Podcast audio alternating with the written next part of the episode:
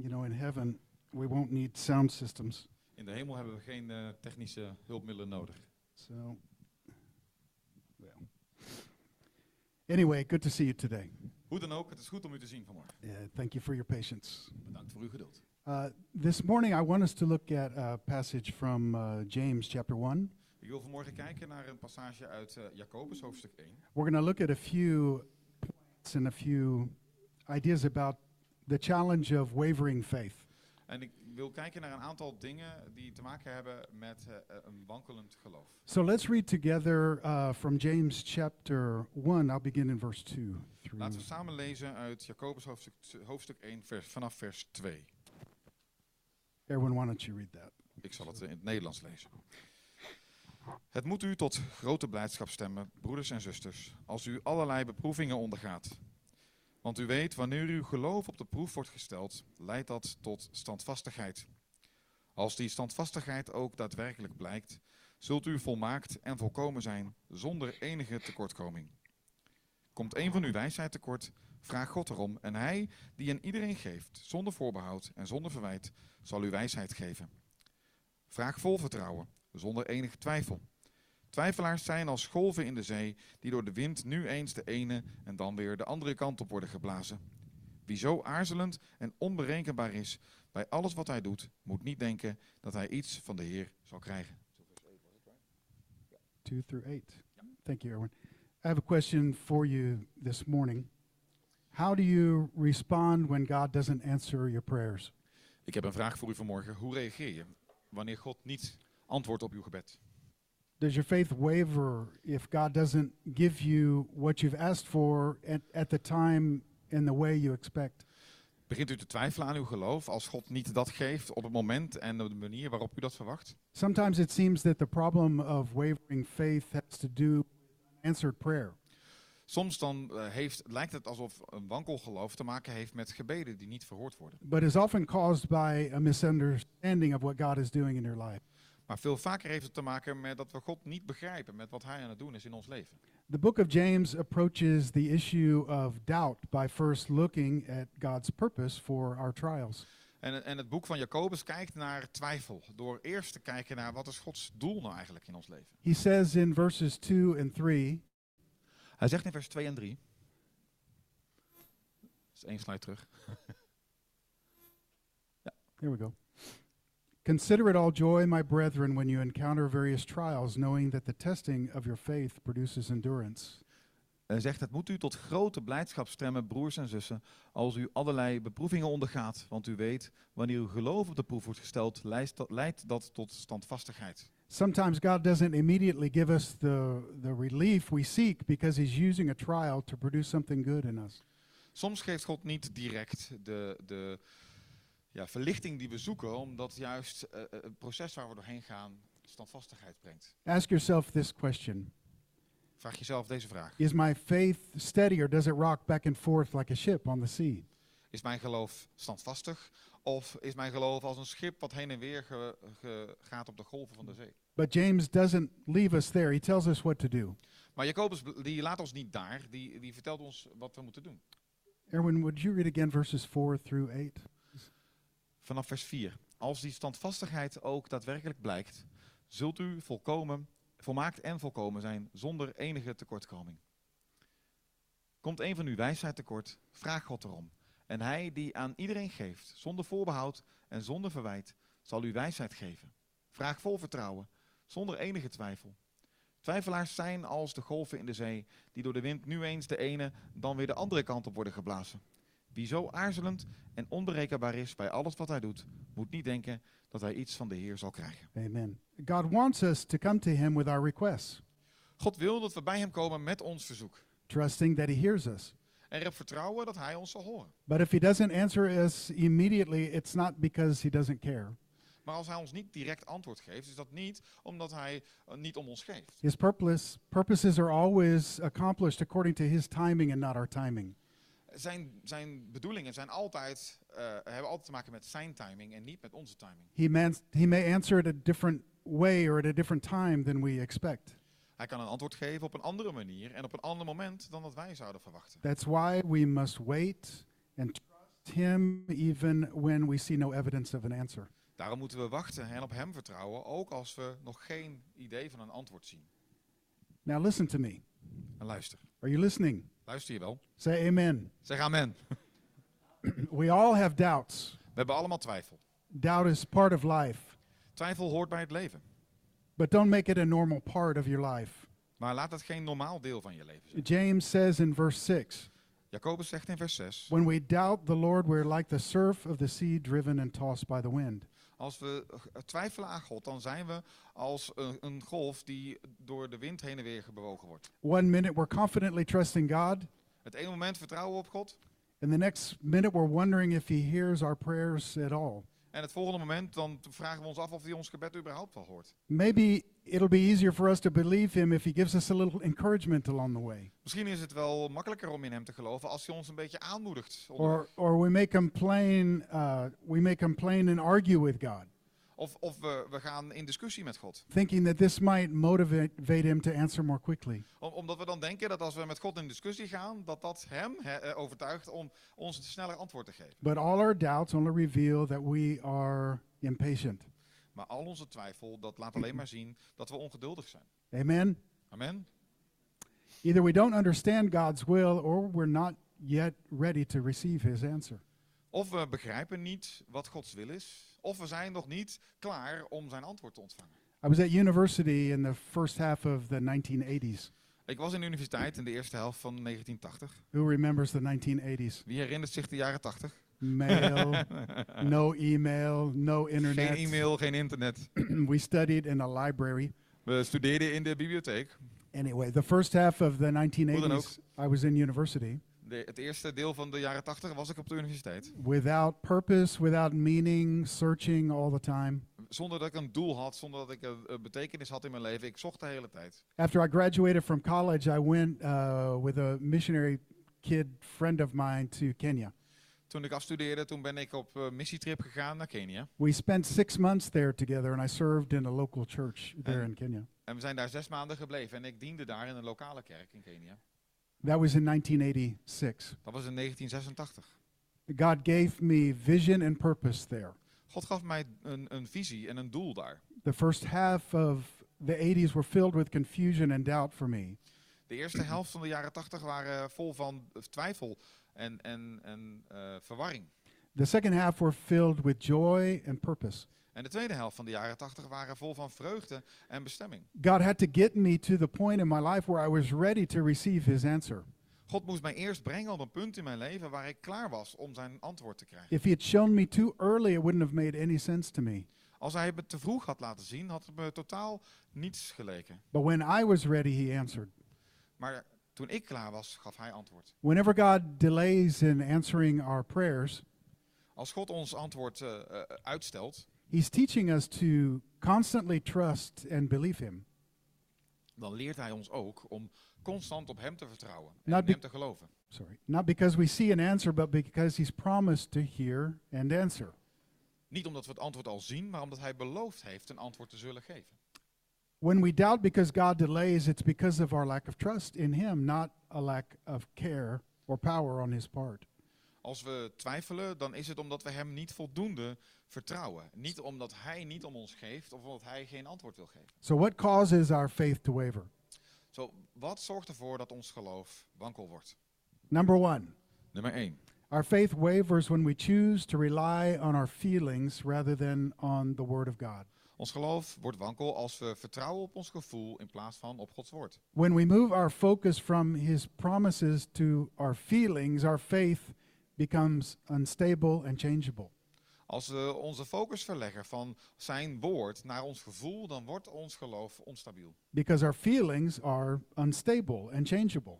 Want onze gevoelens die veranderen nog wel eens. But when our faith is grounded in His Word, Maar als ons geloof is geworteld in zijn woord, we never have to question what God says because we stand on truth. dan hoeven we niet te twijfelen wat God zegt, want we staan op de waarheid. Feelings are untrustworthy. Gevoelens zijn niet te vertrouwen. They change and sometimes they're just completely wrong. En ze veranderen en soms zitten ze er gewoon helemaal naast. If you give your feelings and emotions first priority, Als je je gevoel en emoties de eerste prioriteit geeft, your faith will always waver. zal je geloof altijd wankel zijn. Second, Tweede, our faith wavers when we yield to reason rather than to believing God. Ons geloof wankelt wanneer we ons, ons wenden tot de reden in plaats van tot God. Human reasoning and faith are not always compatible. De, de, de reden, het denken van de mens en het geloof in God zijn niet altijd verenigbaar. We may have all kinds of good reasons for making a particular prayer request to God. We hebben misschien hele goede redenen om een bepaald verzoek, een bepaald gebed aan God te richten. But he sees more of the situation than we do. Maar hij overziet de situatie beter dan wij. When God delays in answering, Wanneer God zijn antwoord uitstelt, he has a divine reason that's good and correct and helpful. heeft hij een goddelijke reden die goed is en juist en behulpvaardig is voor ons. Have you ever stopped praying because God didn't do what you wanted? Ben je wel eens gestopt met bidden omdat God niet deed wat jij vroeg? Often I think we're like children when we pray. We zijn heel vaak als kinderen als we bidden. We complain, we get angry and upset when God doesn't give us what we want when we want it. We klagen en we worden boos en verdrietig en, en teleurgesteld als we niet dat krijgen wat wij willen op het moment dat wij het willen. Uh, a missionary friend of Nicole and myself, her name is uh, Peggy Cummins. Een zendingsvriend van Nicole en mij, eh Peggy Commons, She was she's 90 years old and was a missionary for many years. ze is 90 en ze is heel lang zendeling geweest. She once said to me, God is never late, but he's never early either. Ze zei ooit, God is nooit laat, maar hij is ook nooit vroeg. Amen. Amen. Next. Our faith wavers when we fail to see God at work in our circumstances. Ons geloof wankelt wanneer we niet zien hoe God aan het werk is in onze omstandigheden. If the Lord doesn't change our circumstances, it's because he's using them to bring us to maturity. Als God onze omstandigheden niet verandert, dan doet hij dat om ons naar volwassenheid te brengen. God's primary purpose isn't to give us what we want, Gods eerste doel is niet ons geven wat wij willen, but to mold us into the image of his son. maar ons te kneden in het, naar het beeld van zijn zoon. And he knows the perfect way to do it. En hij weet de beste manier om dat te doen. Knowing that God has our best interests in mind releases us from worry and doubt. Weten dat God het beste met ons voor heeft, dat, dat, dat haalt bij ons de twijfel en, en verwarring weg. So we can relax and wait patiently on him. Daarom kunnen we ontspannen zijn en gewoon wachten op hem. How can God grow us into mature believers without trials and testing?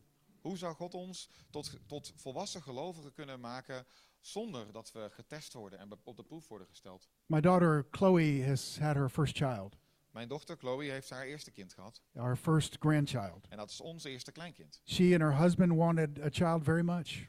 Zij en haar man wilden heel graag een kind. But many of you in this room know that having a child is, is beautiful but also painful. Maar velen in deze ruimte weten dat een kind krijgen heel mooi is, maar ook pijnlijk is. Having children can be stressful and all consuming. Kinderen kunnen stresserend zijn en kunnen alle tijd van jou opslokken. Chloe's going through a difficult time right now, coming to adjust to life with a, a child and as a mother. Chloe heeft het nu best moeilijk, omdat ze zich aan moet passen aan haar leven als moeder. And I would appreciate your prayers for her. En ik zou het fijn vinden als je voor haar wil bidden. But God is shaping her into someone even more beautiful.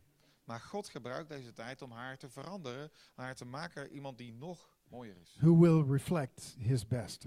Die, zijn, eh, die, die God op zijn best zal reflecteren. If you've asked and prayed for something that is in the will of God, relax. Als je iets hebt gevraagd en gebeden wat in Gods wil ligt, ontspan. Next, our faith wavers when we listen to the negative advice of other people. De volgende is dat ons geloof wankel wordt als we luisteren naar het negatieve advies van mensen om ons heen.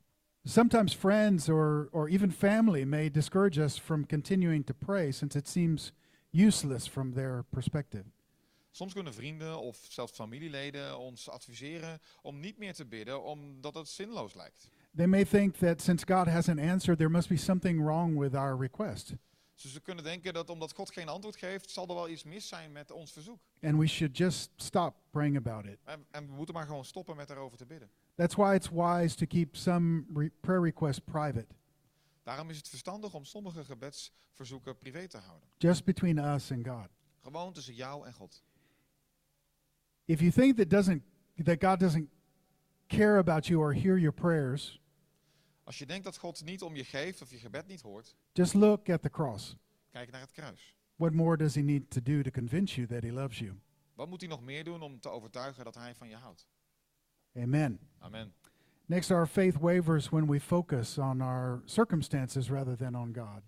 Het volgende punt is dat ons geloof kan wankelen als we ons focussen op eh, onze omstandigheden en niet op God. God's desire and purpose is to increase our love, devotion, and commitment to Him.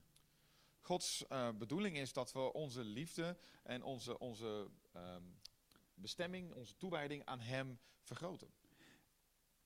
Yet often, all He wants, yet often, all we want from Him is to fix our situation. Maar vaak is hetgeen wat wij van Hem willen, is dat Hij onze problemen oplost. If He doesn't intervene according to our time schedule, it's because He's working in us to build and strengthen us. En als Hij niet ingrijpt op de manier zoals wij dat in gedachten hebben, dan, dan bouwt Hij iets in ons wat ons sterker maakt. and to strengthen our loving relationship with Him.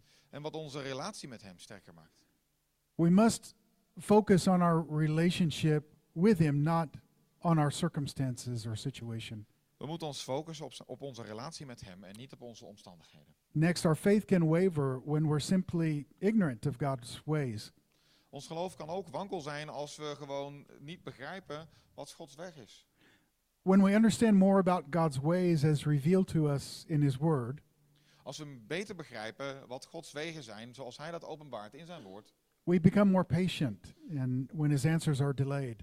dan worden we meer geduldig, zeker als het antwoord uitblijft. We learn that He gives us what is best at just the right time. En we leren dat Hij geeft dat het beste is op zijn tijd. But if we're ignorant of his ways, we may react with anger. Maar als we zijn wegen niet begrijpen, dan kunnen we boos worden. We may blame and make accusations against God. Dan kunnen we God beschuldigen. I used to get frustrated and upset when things didn't go the way I expected. Vroeger werd ik wel gefrustreerd en boos als dingen niet gingen zoals ik ze verwachtte. Now I can ask, I wonder what God is doing, or why did he do that? En, en nu kan ik vragen, ik vraag me af wat God aan het doen is of waarom deed hij dat? Remember, the Bible does not say, ask and it will be given to you immediately. Herinner je dat de Bijbel zegt, vraag, niet zegt vraag en het zal je direct gegeven worden.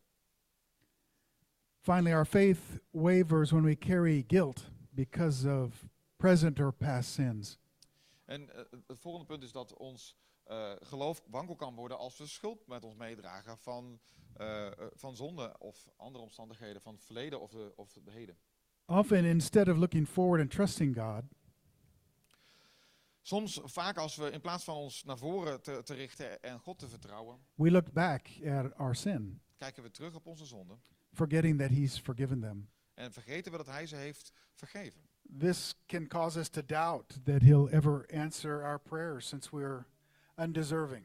En dat kan ons twijfel brengen dat we ooit in staat zijn of ooit eh, eh, de- zijn antwoord verdienen. Satan loves it when we look back. De Satan houdt ervan als we terugkijken. If you've repented and asked for forgiveness, God has forgiven you. Als je je bekeerd hebt en, en je hebt om vergeving gevraagd, dan heeft God je vergeven. Look forward, don't look back. Kijk vooruit, kijk niet terug. We are redeemed as we walk in repentance. We zijn verlost als we wandelen in een leven van bekering. Are you struggling with some old sin? Worstel je met oude zonden. Confess your sin to God and to another godly brother or sister with skin on. En, en beleid dan je zonde aan God. En ook aan een broer of zuster die, die van, van God is. I- iemand met huid. Men confess to another godly man. Women confess to another godly woman. Mannen, beleid je zonde aan een, aan een man van God. Vrouwen, beleid je zonde aan een vrouw van God. This might be the, the exit ramp you're looking for. Dat kan wel eens de uitrit, uitgang zijn waar je naar zoekt. Amen. Amen. If you're listening, say amen. Als je luistert, zeg amen. Hallelujah. Halleluja. How do we correct our wavering faith? Hoe, hoe corrigeren we onszelf als ons geloof wankel is? Let's begin by asking ourselves the following questions. Laten we beginnen met de volgende vraag stellen. Ask yourself, where are my doubts coming from? Vraag jezelf af, waar komen mijn twijfels vandaan? If you're currently living in sin, you can expect confusion and doubt in your life. Als je op dit moment eh, in zonde leeft, dan kun je verwachten dat je eh, twijfel eh, en, en ehm, sorry, Confusion. Ja, ja, confusion and doubt is the same word for Dutch. It's Oh. one. Dat je twijfel ervaart. Confusion and confusion then. Verwarring, ja, oké. ja. Go on. Ask yourself, what's going on in your life right now? Vraag jezelf af, wat, gaat er in, wat gebeurt er in mijn leven? Second, Tweede. ask yourself, did God promise to meet my needs? Heeft God beloofd om tegemoet te komen aan mijn noden? Yes, He did.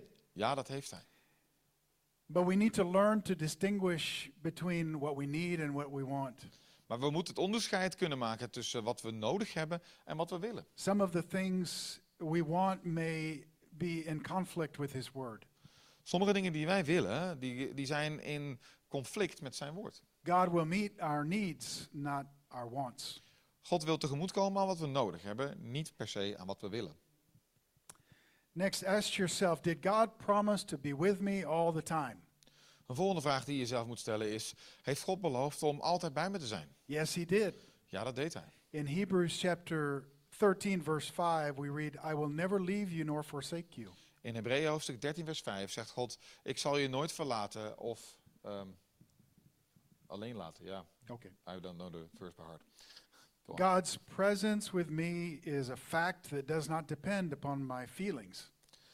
Gods aanwezigheid is niet afhankelijk van hoe ik mij voel. If we live only according to how we feel on any given day, our faith will always waver.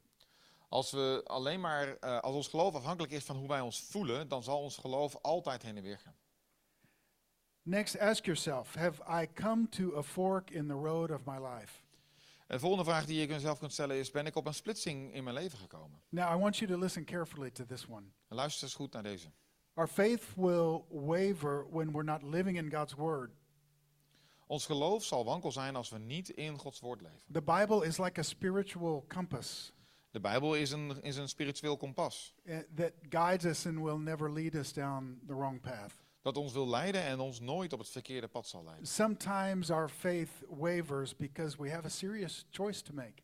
En soms kan ons geloof aan twijfelen worden gebracht omdat we een hele belangrijke keuze te maken We've, hebben. we've come to a fork in the road of our lives En we zijn gekomen op een kruispunt in ons leven. that may require us to move in a completely new direction. En, en dat kan van ons vragen om in een totaal nieuwe richting te verhuizen of te, te veranderen. Think of the story of the prodigal son, Denk aan het verhaal van de verloren zoon. but not about the son. Maar niet, niet alleen aan de zoon. Consider the older brother. Denk aan de oudste broer. When his younger brother returned home, the older brother was at a crossroads of belief and trust in his father. Toen de jongste zoon thuis kwam, was de oudste broer op een kruising tussen geloven eh, in. Sorry. The older brother was at a Tussen geloven en vertrouwen in zijn, op zijn vader. Ja. The, bro- the older brother had a lot to forgive. De oudste broer had veel te vergeven. His younger brother abandoned the family. Zijn jongste broer had de familie in, in de steek gelaten. His younger brother treated their father with disrespect Zijn jongste broer had de, de vader met, met, eh, onrespectvol behandeld. by asking for his inheritance in advance Door de erfenis al vooruit te vragen. while his father was still living. Terwijl zijn vader nog leefde. The older brother felt injured when his father received the younger son back. En, en de, jongste, of de oudste broer voelde zich eh, eh, pijn gedaan toen de eh, jongste zoon zomaar werd ontvangen. And the father didn't punish the younger son. En de jongste zoon niet werd gestraft. The older brother doubted his father's wisdom. De, de oudste broer die twijfelde aan de wijsheid van de vader. The brother, the older brother pointed out he'd been faithful to his father and didn't understand why he hadn't received love and respect for his Ja. faithfulness. De oudste broer die wees erop dat hij juist trouw geweest was en dat hij niet begreep waarom hij geen respect kreeg voor de trouw die hij betoond had. The father carefully and lovingly explained why he had responded the way he did. En de vader die toonde liefdevol en geduldig waarom hij zo gehandeld had. The older son was at a fork in the road of his life. En de oudste zoon was op een splitsing in zijn leven. He had a decision to make. Hij moest een keuze maken. He struggled to have faith in the wisdom of his father, Hij, hij worstelde met, met geloof in de wijsheid van zijn vader. and he had a choice to make. En hij moest een keuze maken. Finally, ask yourself Als laatste vraag jezelf, Did God give me the greatest gift of all, the indwelling Holy Spirit? heeft God mij de grootste gave gegeven van allemaal, de inwoning van de Heilige Geest? Yes, he did. Ja, dat deed hij. The Holy Spirit is our guide and helper. De Heilige Geest is onze gids en onze helper. He's our source of strength. Hij is onze bron van kracht. It's the Holy Spirit that empowers us Het is de Heilige Geest die ons kracht geeft and can give us a deep sense of security. en ons een, een, een diepe overtuiging van veiligheid kan geven. Once you've received Jesus Christ as your Lord and Savior, you cannot ever be lost again. Als je eenmaal Jezus hebt aangenomen als jouw Heer en Redder, kun je niet opnieuw verloren gaan. We call this assurance We noemen dat verzekering or eternal security. of eeuwige zekerheid. Sometimes we say, once saved, always saved. Soms zeggen we wel eens gered, altijd gered. Once your name is written in the Lamb's book of life, there is no eraser. Als je naam eenmaal is opgeschreven in het boek van het lam, dan wordt je naam niet uitgewist. If you want to know my scripture references there, I'd be glad to give them to you after the service. Als je hier- denkt van, hé, hey, wat zegt hij nu? En je wil weten, waar haal ik dat nou vandaan?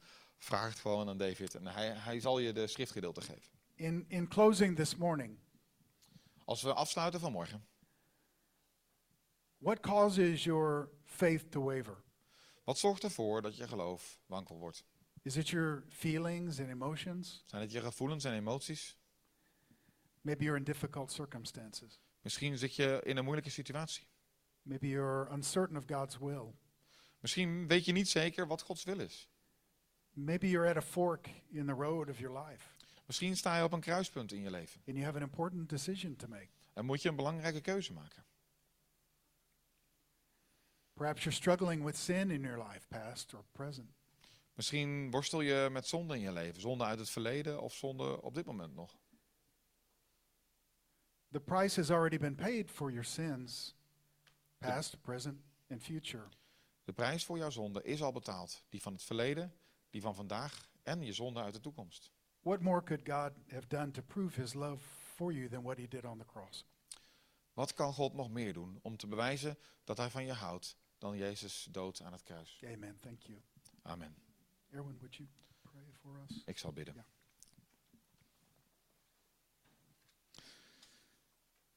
Vader, dank u wel voor uw oneindige liefde voor ons. Dank u wel dat u van ons houdt.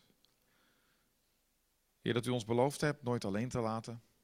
Dat we vertrouwen mogen hebben in wie u bent. Heer, maar het leven maakt dat soms zo moeilijk. Onze omstandigheden willen soms zo aan ons trekken. Onze emoties willen aan ons trekken. Leer ons om niet te twijfelen, maar op u te vertrouwen. Leer ons om niet te twijfelen, maar op u te vertrouwen in al onze omstandigheden.